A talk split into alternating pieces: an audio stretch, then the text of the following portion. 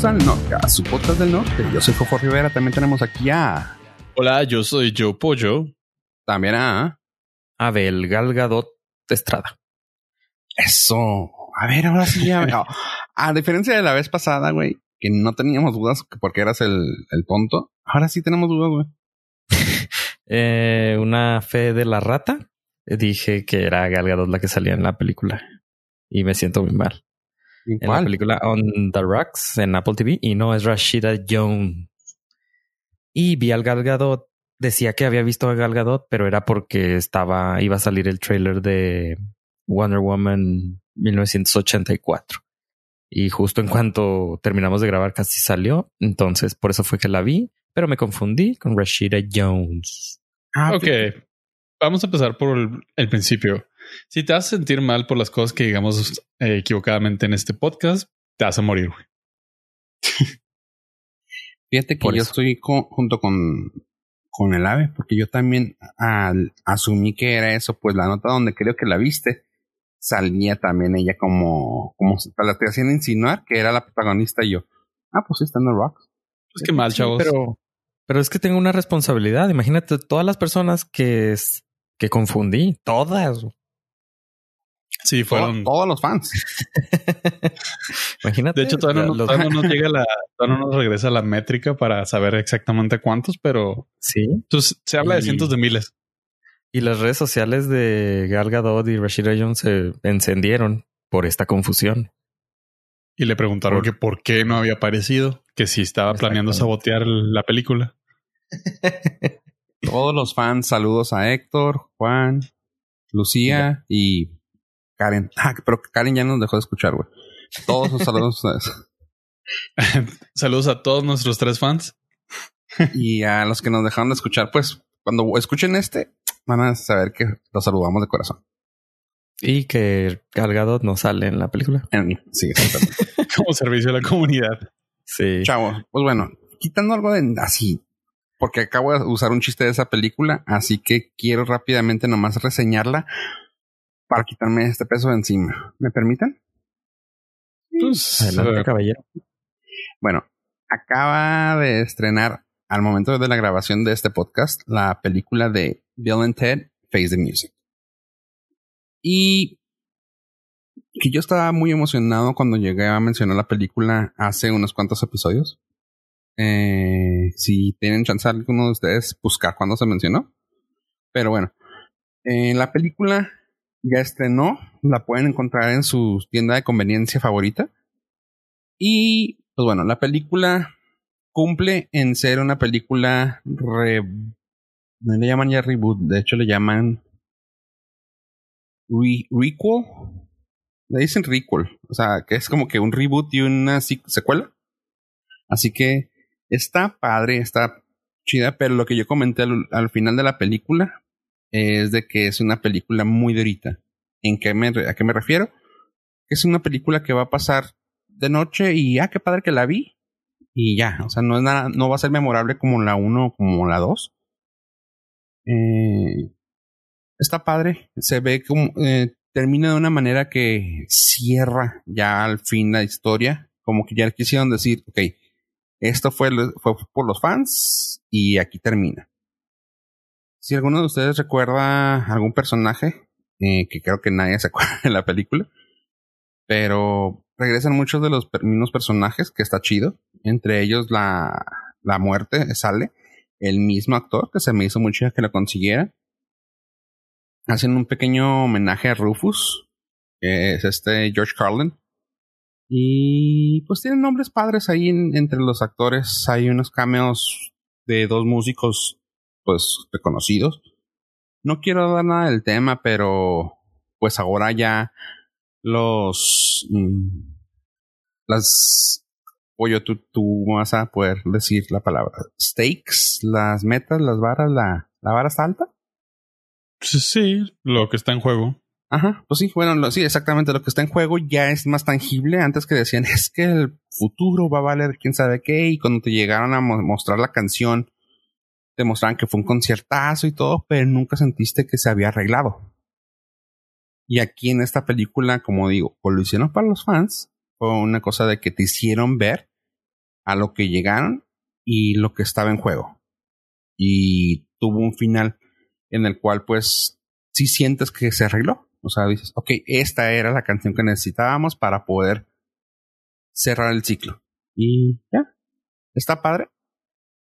No es memorable. Si, les, si fueron fans de la otra, va a ser así como que una nostalgia chida.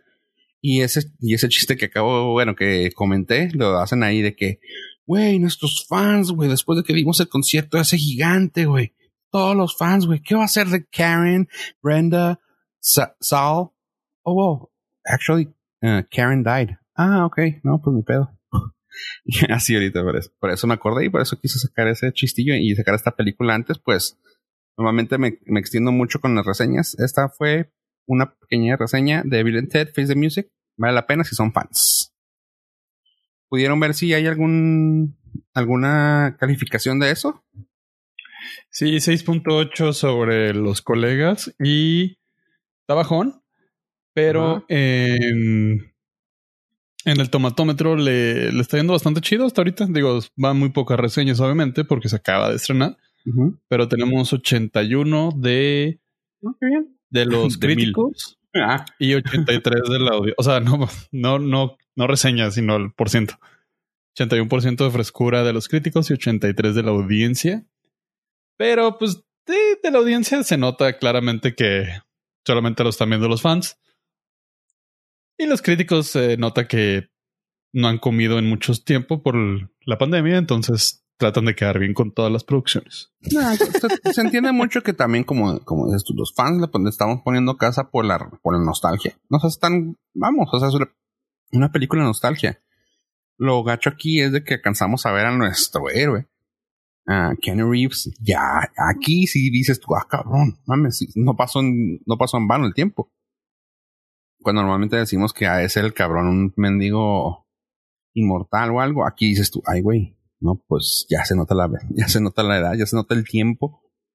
Pero pues está fresco, está, está padre. Me gusta que a los saben bueno, si han visto el tráiler o si saben algo de la historia, pues salen los hijos y los hijos son tienen un buen vocabulario que me llama mucha atención porque antes ellos en, sus películas originales pues usaban vocabulario muy grande, pero era como que, ah, lo que, lo que escuchamos en la calle. Y pues usaban esas frases y era como gracioso. Y ahorita esos güeyes sí están mal letrados y así. El cast fue como casi, casi pagada por Saturday Night Live. Son casi muchos comediantes de Saturday Night Live que están ahí. Y esto, bueno, pues está bien. O sea, pues necesitaban comediantes frescos, pues ahí están. Así que. Lo, lo más creepy de todo esto es que Keanu Reeves sin barba se ve viejo. Ajá, exactamente. O sea, con barba dices, ah, no ha envejecido. Y ahorita que lo veo sin barba dices, ay Dios. Damn. Damn. Sí, no, no le, no le está haciendo mucho, mucho, favor. Digo, entonces se entiende que es el personaje y todo, pero al que pensamos que nunca iba a envejecer, ya está envejeciendo. Ah. Sí. Pues al parecer Pollo no quiere que quedar bien con nadie. Ay. bueno, si quieres miento por ¿no? Mucha crítica, mucha crítica a Keanu Reeves. Oye, ¿qué, o sea, Sorullo. ¿qué más le puedo decir de para halagarlo si ya tiene mi corazón? Nada, nada. Se lo ganó en la película esta de la ¿Cómo se llama la comediante que les gusta a ustedes? Ah, órale. La comediante. Sí, sí, sí, que tiene su película que es de no, No, que entra, que hace una pequeña aparición este güey que es su novio y entra en un restaurante así súper fancy. Ah, sí me quiero acordar. No me acuerdo. No me cómo se llama la, la, comediante. Probablemente nos va, nos va a llover una crítica desmedida en las redes sociales, pero una disculpa. Este, sí, sí, sí, Tanto la comediante como la película. O sea, la película sí me gustó, la comediante no me, no me cae muy bien, pero. Nosotros causando controversia. Sí, sí, son issues míos con el stand-up. No, no se lo tomen muy personal. Eh, está bien, está bien. Se te pasa, pollo. Eres, eres bueno. ¿Cómo se llama esa película, güey? Chinga. No me acuerdo, pero sí sé cuál, cuál que llegue que está así de que, ah, güey, no manches, ¿ese es tu novia? Sí. Hola, soy ¿Tal vez hace mucho? No, no, el año pasado. El año pasado, ¿te digo las películas que estuvo él? De, de donde salga una. Una. Always Be My Maybe. Esa es. Esa es. Esa es. Always Be My Maybe. Sí, no me suena. Simón. Ah, con esta, sí, con la comedia. Ali Wong. Ali Wong, gracias. Sí. Cierto. Simón. Sí, pues sí, sí, sí. Oye, sí se ve muy bien. Sí, está muy chido. Está muy guapo. Eh. Keanu Reeves es Keanu Reeves, claro. Keanu Reeves, siendo Keanu Reeves. Always be my... Claro, ahí está. Ya ven, desde, o sea, desde antes me, me había conquistado, pero en esa película, Keanu Reeves, siendo Keanu Reeves en una película, uff. De Keanu Reeves. Ah, fue, fue, fue overkill. Se robó tu corazón. Sí. sí. Dejémoslo así para que sea PG-13 todavía.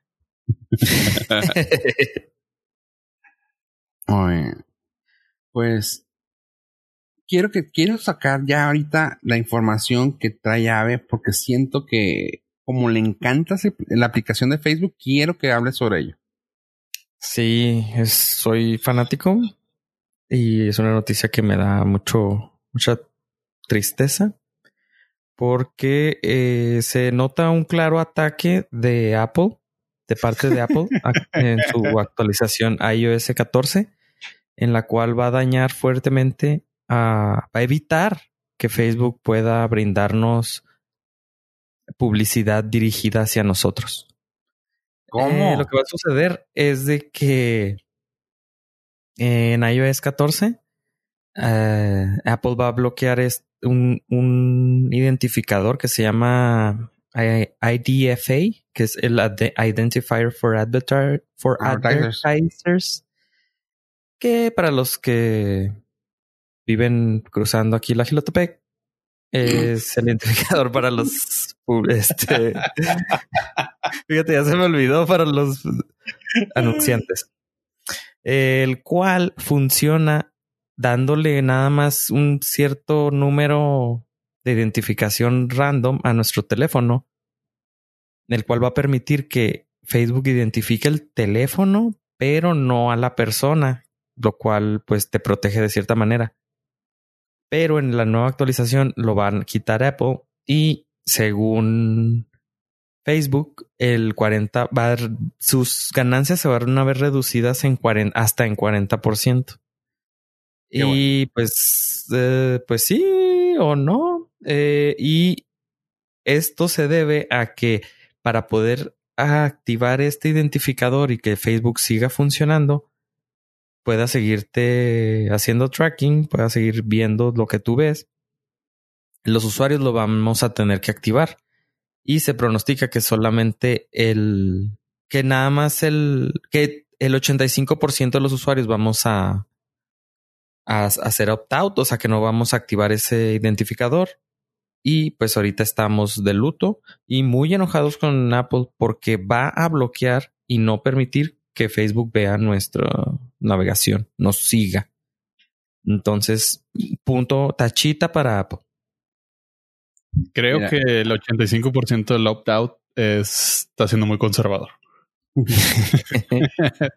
Mira, con la nueva actualización, yo puedo decirte que si estoy muy a gusto con que te esté chismeando todo y que te pueda estar diciendo qué está haciendo qué aplicación.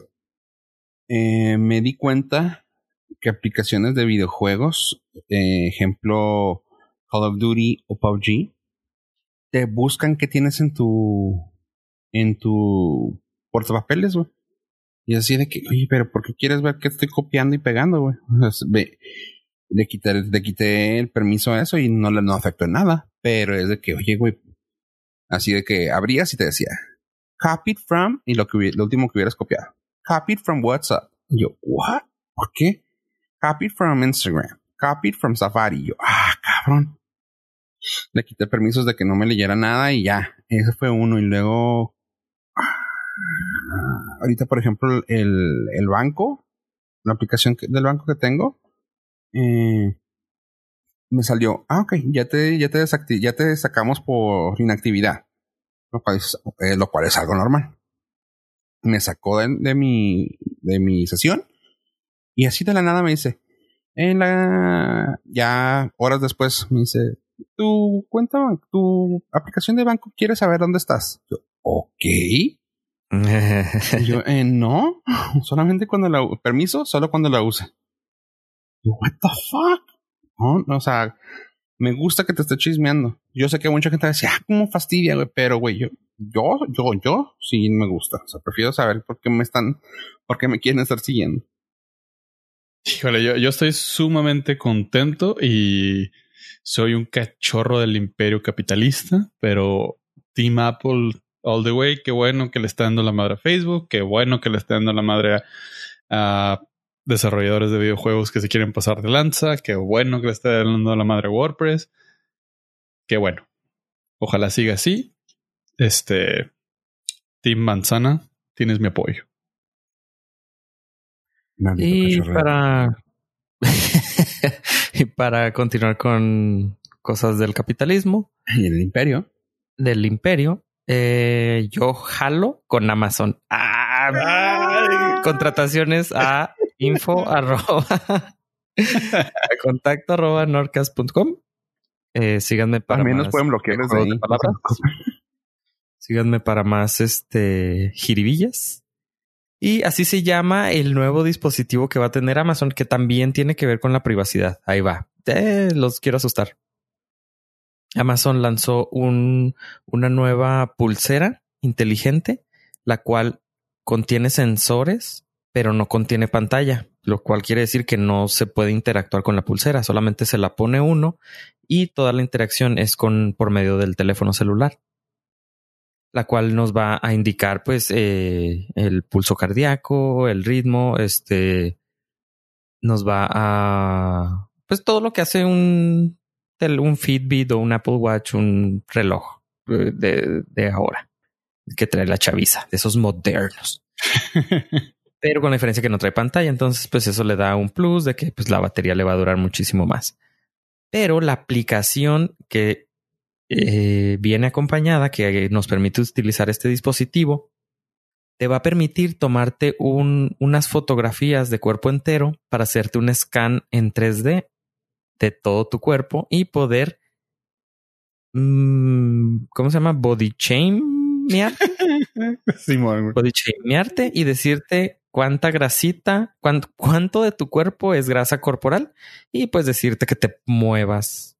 O cuánta de tu grasa es cuerpo. Así que cuánto cuerpo queda de esa, debajo de esa grasa. Cabe mencionar que es poco. Entonces, pues número uno, te va a tomar una scan 3D y te va a hacer un modelo 3D de tu cuerpo. Y ya me da, empecé ahí ya con... Es como que el ultimate actualization para la inteligencia artificial, ¿no? Digo, no solamente van a tener nuestra cara, nuestro iris, nuestras huellas, ahora todo el cuerpo. Exacto, como ahora tenemos cubrebocas, dice, ¿cómo lo voy a identificar? Claro, voy a saber si está gordo. Entonces, eh, aunque también podría ser motivante porque dices, bueno, voy a unir a la rebelión y quiero pelear contra la inteligencia artificial, tengo que hacer ejercicio para que cambie mi cuerpo y poder hacer el y el camuflaje. Segundo, la el, esta banda va a tener reconocimiento, ah, va a tener un análisis de voz y te va a poder dar indicaciones sobre cómo está el tu mood, cómo está tu, ¿cómo se, cómo se dice mood en español? ¿Cómo está tu estado de ánimo? Y dime. No, no, eh, pensando en eso, en tu estado de ánimo. A ver, tomando en cuenta que Alexa es una de las peores asistentes para contestarte cosas porque es muy fría y no sabe lo que estás hablando. Ahora resulta que te va a saber lo que tienes. Come on. Ah, pues esto viene, eh, esto viene agregado, ya que vas a tener los sensores como el ritmo cardíaco y no sé, entonces te puede, pues, a lo mejor te puede mejor analizar mejor. Eh, Por ejemplo, si traes una taquicardia, sabes que está alterado, eh, tu tono de voz está más, este, no sé, grave, agudo, y todo ese tipo de variaciones. Si tan solo existiera un Fitbit, pero como para como interno, como, no sé, en la cabeza o algo así. Fitbit para tu cerebro, güey, estaría chido, pero bueno. y entonces lo que, lo que quiere decir es de que te va a estar escuchando siempre y analizando tu voz. Entonces, eso, es otro punto eh, que no me, me pasa a agradar. Digo, ya tengo suficiente con Alexa para que me esté, esté analizando mi voz, como para que mi brazalete, incluso en los rincones más oscuros de... ¿Qué le puedes esconder a Jeff? ¿Qué le puedes esconder a Jeff Bezos, güey, que no quisieras que supiera, güey? O sea, honestamente, güey. qué chingón. Ese güey si quieres, ese güey si quieres saber de ti, güey, nomás tiene que abrir, no sé, güey, así, buscar tu nombre, güey, clic y ya sale toda tu información, güey. Pero, o sea, piensa más allá. Vamos a pensar fuera de la caja. A la hora del frutifantástico ahora vas a poder tener data, güey. Vas a poder, vas a poder mejorar científicamente, güey. Vas a poder saber si estás estresado, si te dio un calambre, si no estabas de humor, güey. Y todo eso se va a transferir en data. No, no está chido, güey, porque si te puede decir, ah, no que te duele la cabeza, que dice que no. Ah, culero. No, o por ejemplo, le vas a decir, no, pues es que discúlpame, nunca me pasa esto, es que ando muy estresado. y te va a mandar una alerta de siempre le pasa. Entonces tu teléfono va a decir, no, de hecho andaba muy contento y relajado. Entonces, ah, ya, pues es que hay que buscar otro pretexto. Vive cerca, pues llega rápido, pues ni, ni hablar.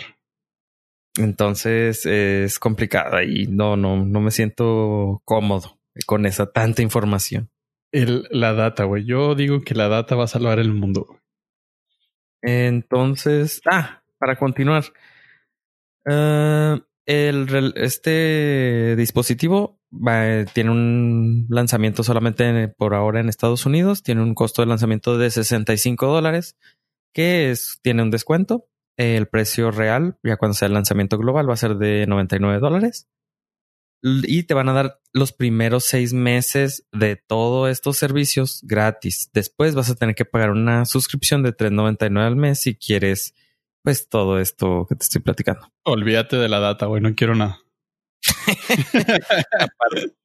o sea, pagar cuatro dólares. Pagar cuatro dólares para que me haga body shaming, para que me diga que, que pues la neta no, no traes con agua las papas. No, güey. Eso lo hago gratis en el espejo. Exactamente. sí, pues sí. O sea, ya sé que estoy enojado, ya sé que estoy gordo, entonces no tengo bronca.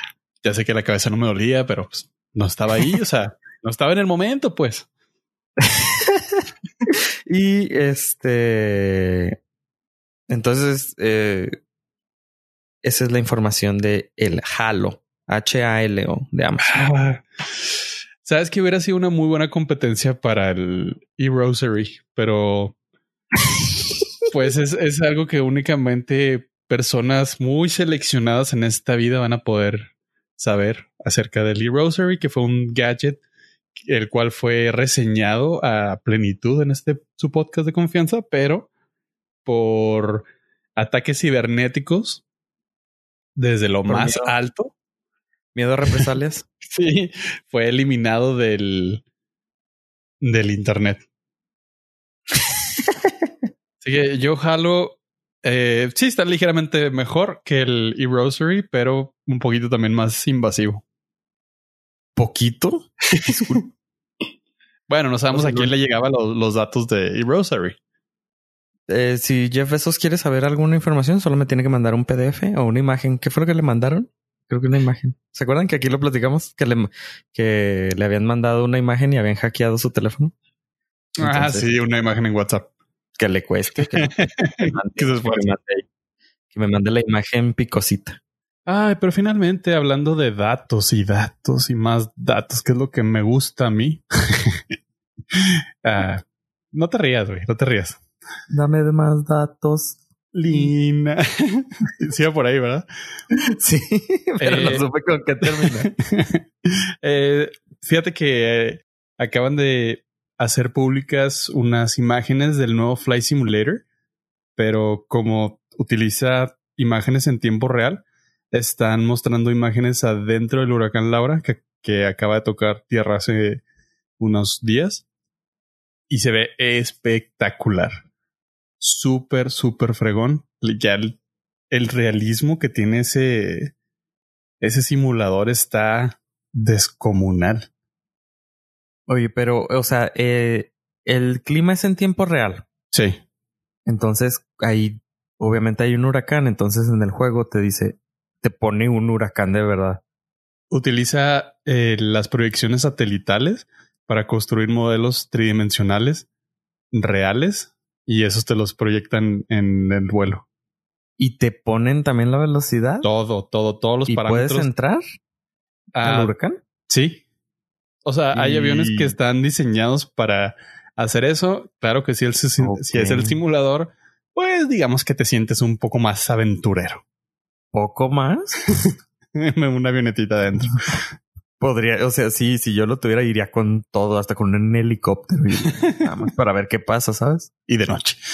Exactamente. Oh, entonces está chido. Entonces No, le da pues, em- oportunidad a los pilotos de más o menos experimentar ahí una sensación. Darte una idea de cómo, de cuánta madre vas a valer. Sí.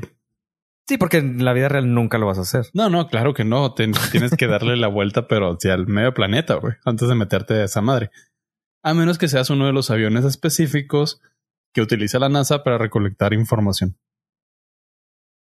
Pero, Pero hasta- ¿cuántos aviones hay? ¿Cuántos pilotos de esos aviones hay? Eh, hay muy pocos y es difícil, fíjate, porque por lo general tienen un desbalance físico, se van de lado.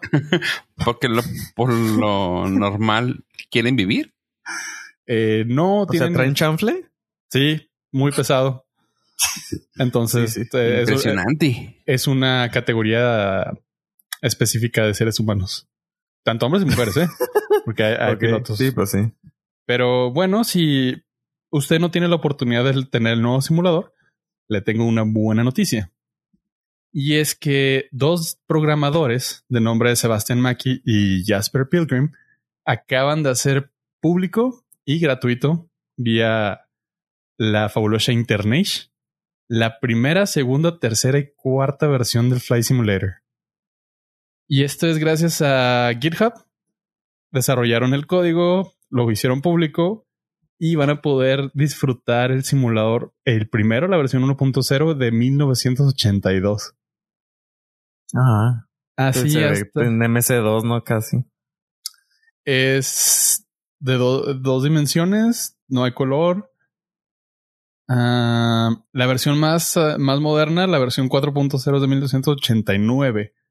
Y les vamos a dejar la imagen aquí para, o el link aquí más bien para que ustedes puedan entrar y ver la comparación. Eh, lo impresionante de todo esto no es lo básico que se ve, sí, y lo eh, irreal que podrías parecer como un simulador, pero esto fue lo que marcó la pauta. Esto fue lo que marcó el, el progreso en la aviación y de verdad que hay un antes y un después del Flight Simulator. Entonces les dejaremos el link por estos lares y si tienen chance, vamos, dense la oportunidad de ver las imágenes entre el Flight Simulator, el primero y el nuevo que acaba de ser estrenado hace unos cuantos días. Y suena, suena chido. El que también ya está por estrenarse es el, el juego de La Oca. Star Wars, Oh. el Squadrons, que es, si conocen a alguien que le guste Star Wars y la aviación, puede ser que le guste ese juego. O sea, el anafre ya se quemó, güey. De tan prendido que estaba, se, se, se fusionó y se volvió una cosa espectacular. Casi, casi como el nacimiento del Big Bang cuando vi el trailer de, de Squadrons de Star Wars. El gameplay. Sí, no, no inventes, es la cosa más preciosa, chula, de bonita que he visto. Creo, digo, Star Wars eh, eh, generacionalmente ha hecho eso en los videojuegos, nos ha emocionado para después entregarnos una, una piltrafa. Pero este en particular se ve que, o sea, se nota la dedicación que le pusieron, sobre todo porque digamos que está en sus manos salvar la franquicia y en las series de televisión, porque las películas pues han estado bastante este estándares para no herir, sus- herir susceptibilidades. Este juego se ve con madre, güey. Sí, en- pues sí, nunca se han destacado porque tengan buenos juegos y en este sí se ve que sí le echaron bastante ganas.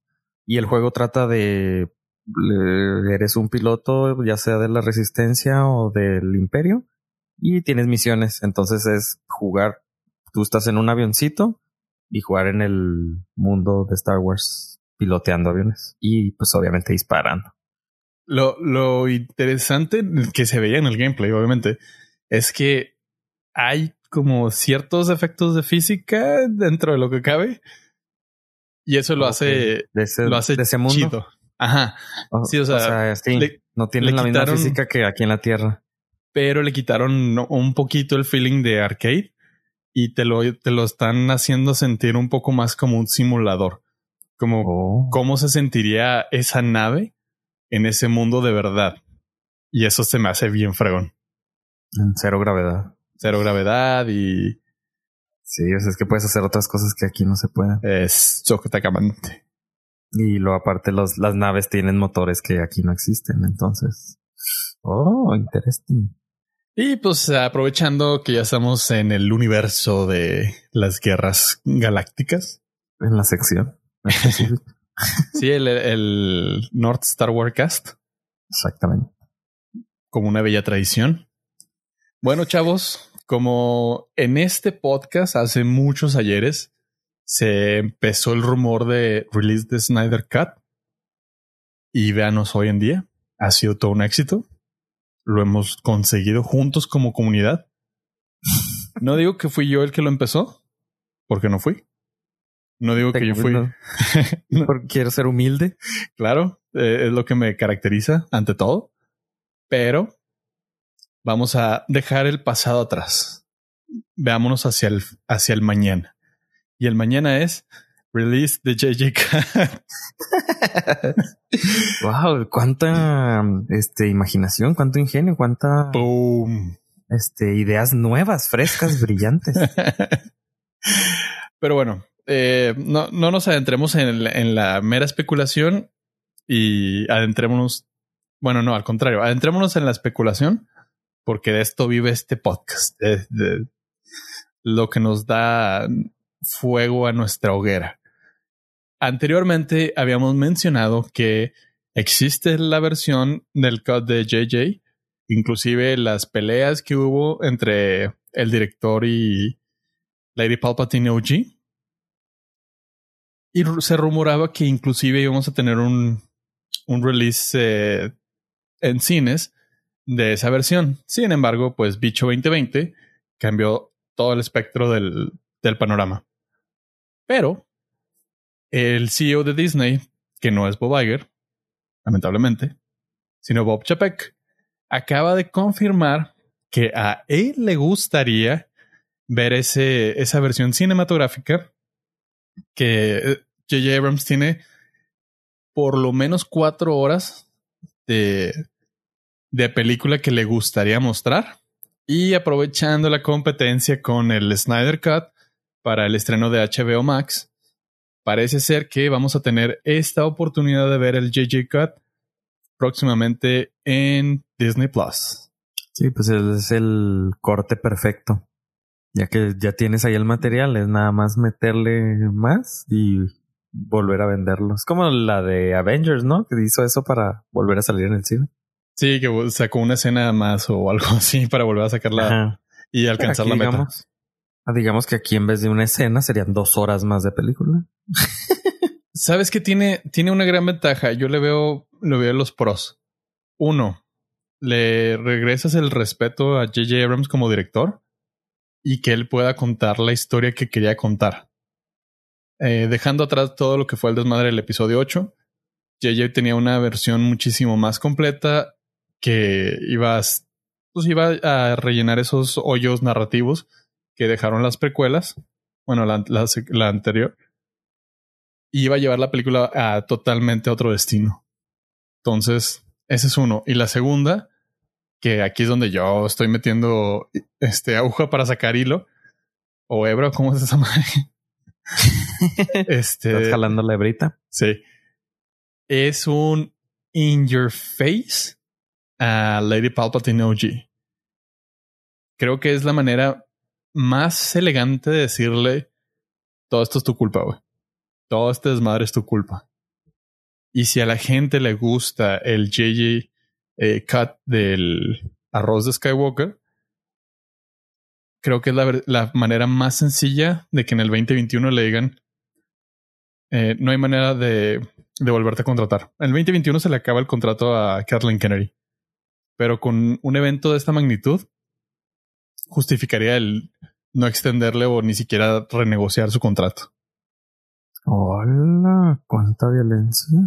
Eso lo veo yo. No estoy diciendo que así vaya a pasar, estoy diciendo que eso haría yo. Porque Pero pues también hemos aquí anticipado muchas cosas. Claro, anticipamos que el eclipse de, sucederá en 2476. Como por ejemplo. Va a ser de noche. no, pero se, se alimenta más los rumores de que Kathleen Kennedy ya está estorbando muy cabrón a Lucasfilm y el fracaso eh, mediático, porque no fue un fracaso económico de las secuelas, eh, se le atribuye completamente a ella. Entonces, para dejarle el camino libre a John Favreau, o para dejarle el camino libre a, a Feloni, o para dejarle el camino al que venga, necesitan deshacerse de esa imagen. Y lamentablemente, junto con el puesto, se tiene que, se tiene que llevar el shame de, de las decisiones. Ni modo, alguien se tiene que sacrificar por el team. Y, y claramente no va a ser Mickey Mouse. que no lo digas Mickey Mouse, por favor. Mickey. Mickey. no voy a ser yo. no me voy a sacrificar. Fuck Kathleen Kennedy. Lo escuchó aquí por, por su propio. que ya pues. Eh, oye, eh, eh, esta semana también salió una nota donde entrevistaron a Daisy Ridley en Entertainment Weekly y me llamó mucho la atención, supongo que lo viste, ¿no? Pollo. sí, pero... Que decía la wea así de que eh, después de Star Wars duré un, chorro sin poder conseguir trabajo porque la gente me estereotipó bien gacho. Yo no, porque realmente todavía nadie te conocía. yo no me quiero meter en comentarios de políticamente incorrectos. Ok. No, no por qué. ¿Qué ibas a decir? Cuánta agresión. No, no te creas, es, la maldición de Star Wars. Le, siempre le pasa a uno o dos actores por generación.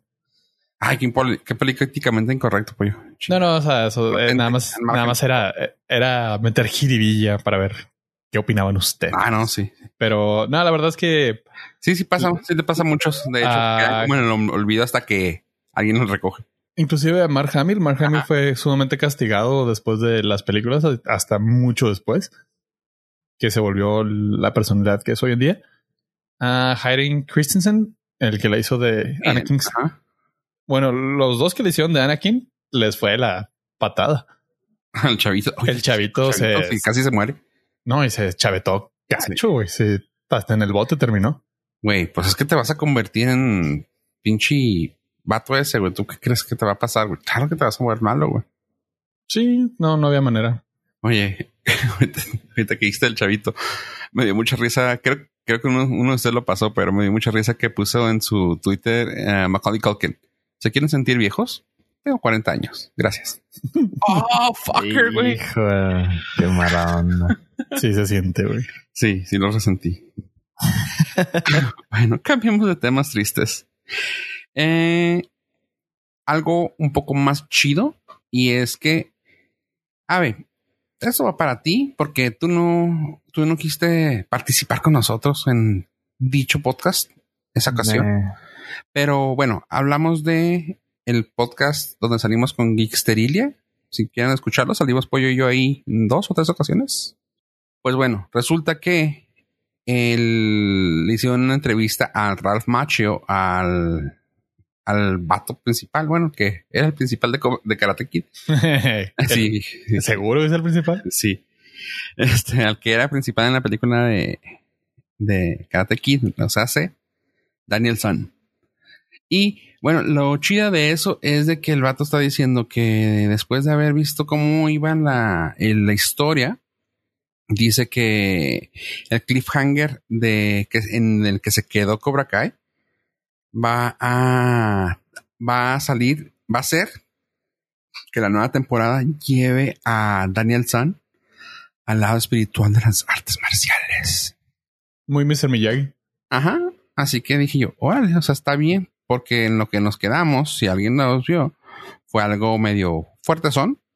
En un, un, pues cliffhanger, vamos, no, mejor no le voy a decir cliffhanger, como en un highlight muy violento. Que fue así de, damn, órale, así, así me van a dejar. Y pues está chido que ahora como que van a volver a llegar a las raíces del señor Miyagi, cosa que siempre se le hizo algo difícil a, a Daniel Russo. Y pues nomás quería comentar eso como un follow-up a la serie que está por salir de Cobra Kai en la Netflix. Sí, dense una oportunidad si no la han visto, porque estaba, era exclusiva de de YouTube. Si no han visto Cobra Kai, es una de las mejores series que he visto en los últimos años. Así de fácil. Ay, eso. Es que está ligera, entretenida, divertida, pero al mismo tiempo con esencia, nostalgia. O sea, tiene como un poquito de todo. Y las dos temporadas que van no se cae, que ya, ya está chido decir eso. A diferencia de, muchas series que, que son exitosas de la nada en la primera temporada y la segunda se, ya se nota así como que no, no, sabes para dónde va. Esta, esta se, se fue desarrollando chido y se quedó, se quedó muy interesante. Está por estrenarse la tercera temporada y sí estoy muy, muy ahí. Nice. Sí, qué bueno que lo dices, pollo. Así que yo sí recomiendo también, chequenla y pues también chequen el podcast en el que participamos, pollo y yo, que hablamos más a fondo de esta serie que está chida, le damos nuestros pulgares arriba. Sí, un podcast, eh, podríamos decir, somos podcasts cercanos. Así es, porque estamos en Juárez. Correcto. bueno, eh, va, vienen muchas cosas uh, para Netflix y quiero terminar con esa nota, pues es mucho lo que hay de, de lo que viene para este mes de septiembre próximo antes de eso, quiero dar una recomendación o comentario, pues si la quieren checar, pues es algo que es muy de mi, de mi agrado, de mi gusto ver a este actor. Creo que ustedes se acuerdan, chavos, cuando salió la de John Wick 3, que me emocioné por el que hacía el papel de malo, que era Magda Cascos. Que les dije que me gustaba un chorro el papel de ese güey, que cómo actuaba, que era bien fregón el vato. Para efectos cinematográficos, digamos que sí nos acordamos. Ah, ¿te acuerdas, güey? ¿Qué fregón? Sí. ¿Sí, sí. claro. Ah, sí, bueno, pues esa. Qué chido ese vato. Bueno, resulta que ese actor ha estado sacando peliculillas así como que vi después de, después de que revivían su carrera, quote, quote, en Young Week. Estuvo sacando peliculillas y sacó una que se llama Una noche en Bangkok. La pueden encontrar en su tienda favorita. Eh, y está recomendable. O sea, si les gusta, si alguna vez vieron ese actor y quieren ver algo un poquito más de él, está saliendo esta película donde al parecer, bueno, la sinopsis es de que un vato llega a Bangkok, pide un taxi en una aplicación, se sube al taxi directo del aeropuerto y le pide al taxista que le lleve a a, destinos donde llega y asesina a las personas a las que va. Todo se empieza a desenlazar. Al último es un, una vuelta de tuerca o como le quieran decir. Algo así como que un twist que dices tú, wow, ok. No esperaba eso. Se pintaba para allá, pero no sabía qué iba a pasar. Y está suave. O sea, tiene la suficiente acción como para decir, órale, está suave. Ya no depende tanto de este actor quien fue reconocido en los 80s y 90s como un arte marcialista muy cabrón. Para que lo, por los que no lo conocen como actor en películas de acción, tal vez lo conozcan como el, el Iron Chef en Iron, sí, en Iron Chef. El presentador en Iron Chef América. ya sé quién hablas. Eh, ese güey. El pelón. Ese güey. Ay, güey. Hubieras empezado por ahí. Sí, ah, que, que extraño que weird fact es que el vato no es familiar del Iron Chef de allá de del original. pues en la historia te cuentan que eh, vino un familiar de él, de quién sabe dónde, y ahora él está aquí en América para hacer la de juez. No es ni, no es ni chef ni nada. contrataron un actor que tuviera los rasgos faciales parecidos a alguien asiático y lo pusieron ahí. Y el vato, pues, sí se avienta sus, sus madrazos en las películas. Así que de ahí lo deben de conocer. Pues bueno, está One Night in Bangkok. Está chida, está entretenida. Es totalmente una película straight to video. Straight to home video.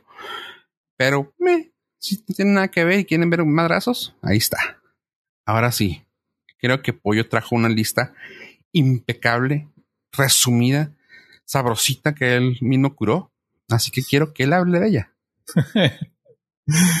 Ah, nada más como servicio a la comunidad. Eh, le voy a hablar de lo que a mí me interesó, que va a estrenar Netflix en este mes de septiembre. Si usted ya pasó el mes de septiembre, pues ya sabe que está ahí. Si no ha pasado el mes de septiembre, pues eh, felicidades, está en una máquina del tiempo. Y una de las películas que estoy más interesado en ver se llama The Devil All the Time. Es una película con Tom Holland, mejor conocido como el, el sorprendente hombre araña. Robert Pattinson, mejor conocido como el vampiro que se volvió murciélago. ¿No? Ah. ah. síganlo, para más este, para más este, descripciones de, personas. Ah, Bill Skarsgård, el mejor conocido como Tarzan, que, era un vampiro. Que era un vampiro que salía junto a Margot Robbie. Uh, la, la. ¿En dónde? la de Tarzan. Ah, ok, ya, cabrón, vampiro. Eh, y finalmente Sebastian Stan, que es mejor conocido por su intento de ligarse a, a Sharon Stone en The James Corden Show. Si no lo han visto, véalo. Está muy raro. También es conocido por, no sé, tal vez Marvel, pero bueno, Winter Soldier, tal vez, pero. ¿Qué es eso? ¿A poco esas películas se hicieron dinero en el cine? pues bueno, también salió en Yo, Yo Tonya. ah, sí, Yo Tonya. igual con Margot Robbie. En The Martian. Creo que todo el universo nos lleva a Margot Robbie. O algo donde ella, o, algo donde él haya sido también este, ya sea vampiro o brujo algo con poderes. Exactamente. Pero bueno, esa, esa película está muy, muy interesante. Es un thriller, drama eh, de tintes eh, de misterio. Habla, está ubicada en la post Segunda Guerra Mundial y vean, vean los trailers, no, no se van a arrepentir. Se ve, se ve interesante, sobre todo ver a Tom Holland haciendo papeles mucho más serios y que se, se está aventando un, para mí se está aventando algo como a Daniel Radcliffe, así súper alejado de lo que lo está haciendo famoso para, para no encasillarlo y porque puede realmente, no creo que el dinero le haga falta. Así que se puede dar esos, esos riesgos en su carrera. Después, eh, Fofo nos podrá hablar un poquito más de la siguiente porque veo que él está, no, bueno, no sé si está, pero presiento que está más emocionado que yo. La de Enola Holmes. Fofiño. Si recuerdan, y si mal no recuerdo yo, déjame veo en mi lista ah, en hola. Ah, espera, espera, espera, Holmes, Holmes, déjame veo. Creo que yo platiqué alguna vez en el podcast sobre esto de la Enola Holmes, que estaba muy chida la historia y que parecía ser, parecía ser que iban a hacer una película y nunca sabíamos por dónde iba a salir. Pues bueno, resulta que salió la historia de Enola Holmes es un, también está basado en libros de, pues sí, en, libros ya escritos que ella viene siendo la hermana joven de Sherlock Holmes. Y pues bueno, yo estoy emocionado porque pues van a hacer otra película de Sherlock Holmes básicamente. Y sí me gusta mucho la idea de eso. Así, y bueno, los actores que van a salir en esa película, pues son algo, algo conocidos. No sé, tal vez alguien como Henry Cavill, Millie Bobby Brown, Elena Boham Carter, por decir los principales. pero ahí está. Así que va a estar en su Netflix próximamente. Tenía una fecha, pero no recuerdo para cuándo va a estar. Déjame ver si tengo aquí. En septiembre 23 parece ser que va a salir en su Netflix pues, más cercano. Estoy muy interesado de ver finalmente a Millie Bobby Brown en otro papel. En la Godzilla no se me hizo que la hizo chido. Mm, eh. Entonces, a lo mejor es. O sea, qué chido que siga trabajando, que siga aceptando nuevos papeles. Sobre todo en esta película que tiene el protagónico. Y va a estar, va a estar interesante de ver. A ver qué tal. Ojalá, el, salga chido. Sí, la siguiente es la película que conmocionó al mundo el año pasado. Eh, lamentablemente muchas personas no la pudieron ver porque estaba subtitulada. Y estamos hablando de Parasite. Parasite es la película ganadora de 343.8 Oscars. Ah, 36. la canción de Molotov, Sí. Ah, qué chingón. Sí, sí, sí. Hasta fíjate, tenía canción en Molotov. si usted se acuerda de esa canción, no quedes en casa. Por favor. Ah, va a ser estrenada en la plataforma. Muchas, supongo que muchas de las personas que les dio flojerita leer los subtítulos ahora van a tener la oportunidad de ponerle cambio de idioma. Pero no estoy seguro si tiene la opción, entonces estoy intrigado. No sé si la hayan doblado ya. La vi porque vi un resumen.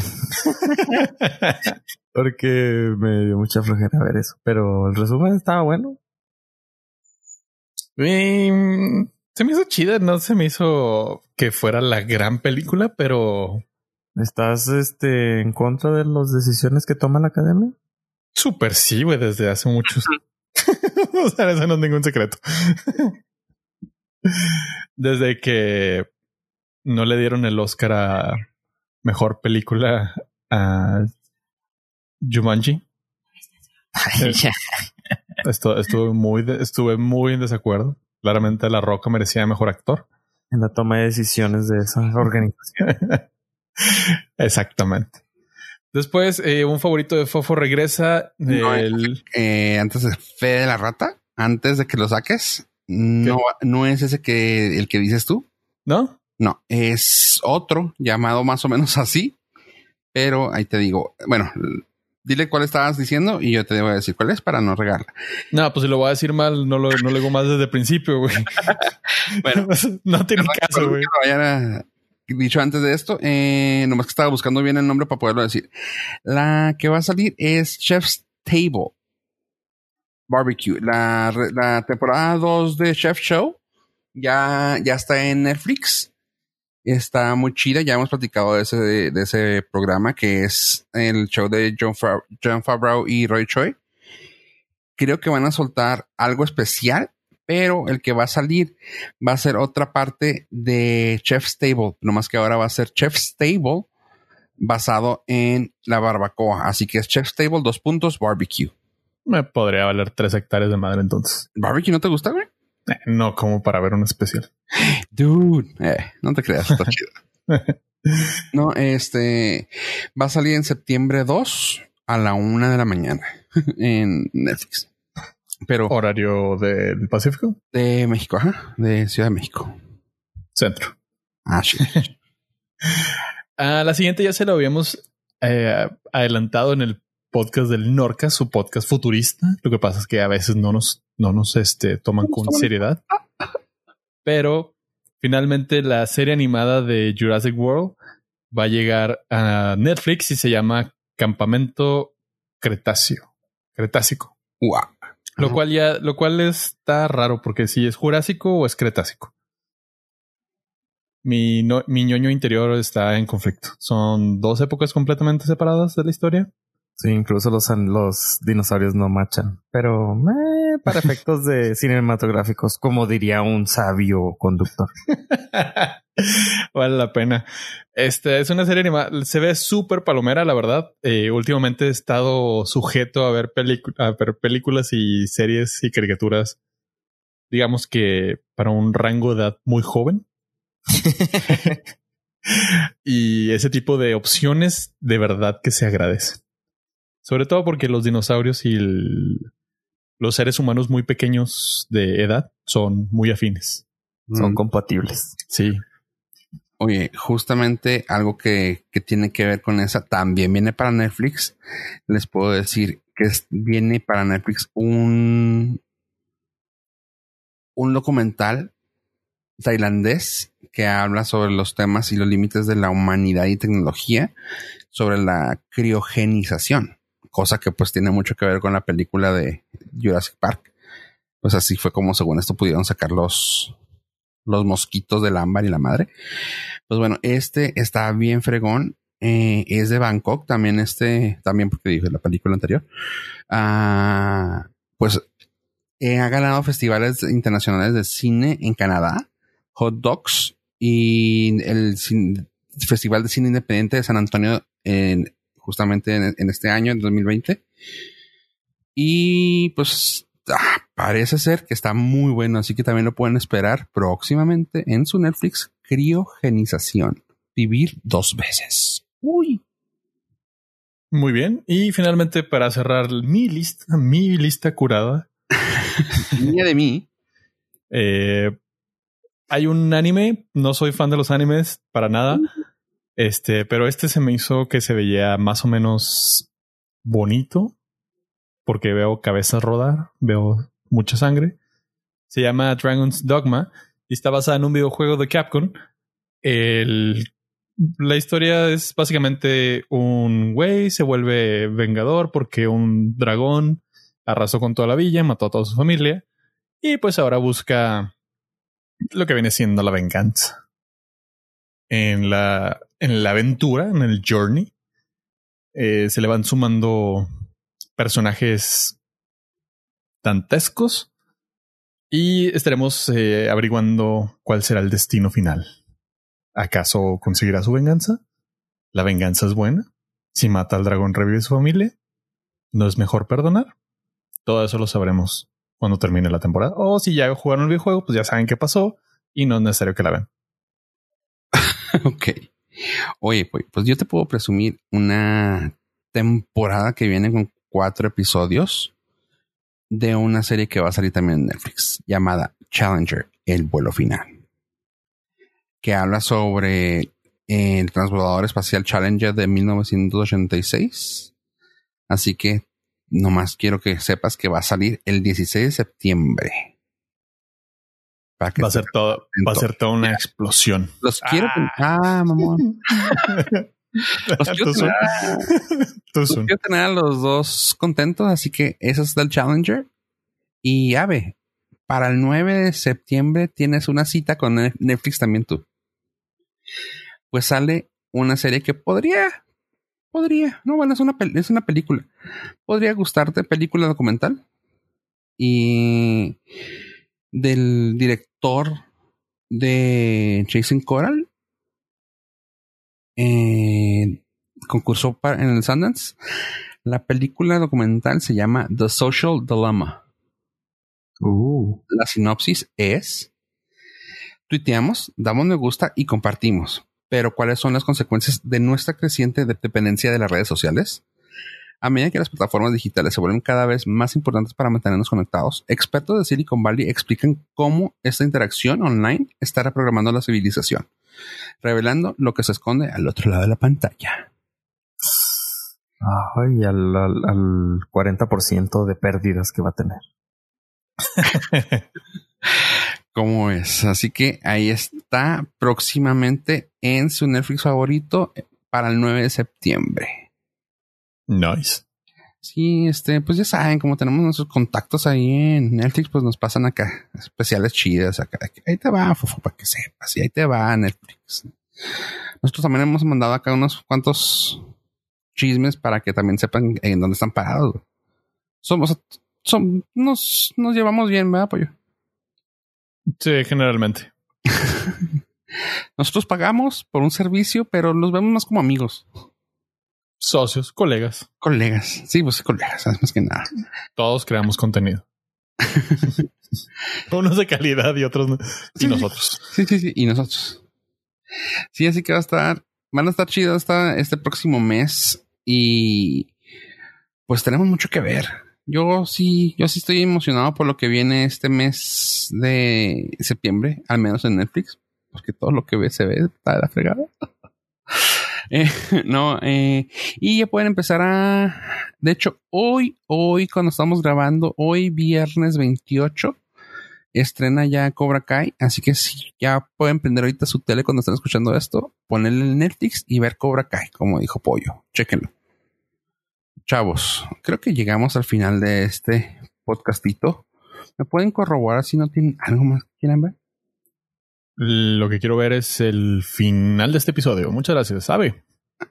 Eh, yo solamente quiero hacer el anuncio que Galgadot no es Rashida Gracias. Hasta ahora. Ok. Bueno, chavos. Entonces, hasta este momento fue el Nordcast. Gracias por escucharnos, gente. Adiós, adiós.